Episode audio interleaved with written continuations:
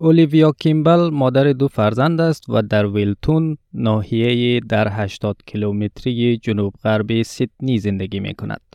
پسر او اوسکار ابتدا در ده ماهگی به بیماری میننجوکوک یا میننجی کاکل تهاجمی مبتلا شد. او می‌گوید که فرزندش یکی از شبها با صدای بلندی استفراغ کرد و بعد متوجه شد که تب بسیار شدیدی دارد. بنابراین او را به شفاخانه برد و در آنجا ماسک اکسیژن روی صورتش گذاشتن انواع دستگاه های دیگر را به او وصل کردند و درمان مننجو کوک را شروع کردند. او می‌گوید که در آن زمان احساس می‌کرد در جهنم زندگی می‌کند و حاضر بود تمام زندگیش را بدهد تا کودکش را سالم به او برگردانند.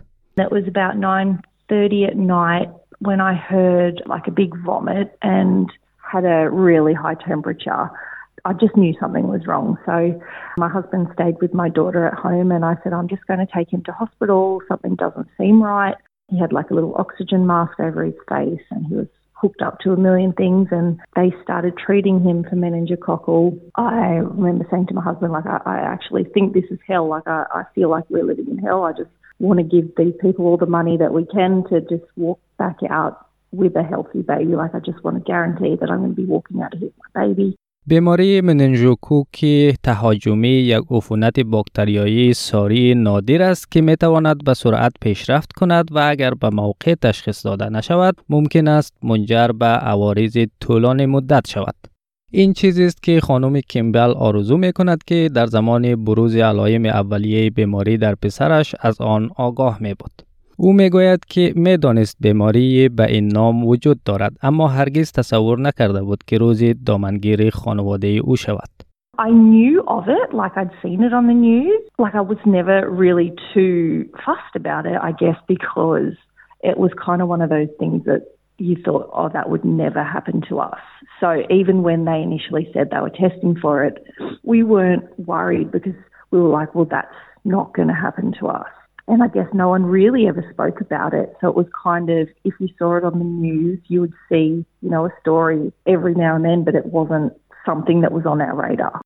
بیماری مننژوکوک می تواند دامنگیری هر کسی شود اما کودکان زیر پنج سال نوجوانان و مردمان بومی به طور خاص در برابر این بیماری آسیب پذیر هستند و اگر به صورت درست درمان نشود می تواند به عوارض طولانی مدتی چون از دست دادن اندام ها یا حتی مرگ منجر شود. به همین دلیل کارشناسان صحی به مردم توصیه می کنند که خود را در برابر این بیماری واکسینه کنند.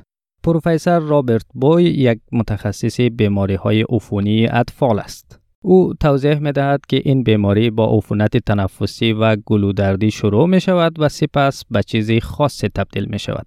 بیمار در دستها و پاهایش احساس سردی می کند، پوستش لکهدار معلوم می شود و ممکن است جوش های کوچکی به رنگ بنفش روی دستها، پاها و صورتش نمایان شوند. و سپس بیمار دچار شوک می شود. ادرار کمی بیرون می دهد، دچار سرگیجه می شود و با پیشرفت مننژیت دچار سردرد شدید، حالت تهوع، استفراغ و کاهش هوشیاری می شود. Look out for to begin with uh, a respiratory infection, a sore throat, but then it develops into something more specific. The hands and feet feel cold, the skin looks mottled, and there may be a rash on the skin, a fine pinprick purple rash, which uh, can extend from the hands, the feet, the face. Um, and then as you develop shock, um, you can have uh, confusion and reduced urine output. And as you develop meningitis, you can have symptoms of a severe headache, nausea, vomiting, uh, and again, reduced consciousness. آمار وزارت صحت نشان می دهند که در سال جاری 67 مورد ابتلا به میننژوکوک تهاجمی در استرالیا به ثبت رسیدند. در عین مدت در سال گذشته 45 مورد این بیماری به ثبت رسیده بودند که این بیانگر یک افزایش 49 درصدی است. پروفسور بوی می گوید که اعضای جوامع چند فرهنگی استرالیا خاصتا در برابر این بیماری آسیب پذیر هستند. به گفته او هرچی تعداد افراد در یک خانه بیشتر باشد خطر انتقال دادن میکروب بین آنها بیشتر است. If you have many people living in the same residence, uh, you're at greater risk of spreading the germ between each other. So multicultural families can be at greater risk. Uh, an example is Muslim communities. We have had on a number of occasions uh, meningococcal disease spread during the Hajj, the annual uh, religious pilgrimage of Muslim people. And not only can it cause outbreaks in Mecca in Saudi Arabia, they can bring the germ back with them and pass it on to children and teenagers back in Australia. مننجوکوک یک بیماری ساری است که توسط باکتریای به نام نایسریا مننجیتیدیس ایجاد می شود و می تواند از طریق تماس مستقیم از یک فرد به فرد دیگر منتقل شود. کاران کویک مدیر عامل مرکز مننجیت استرالیا است.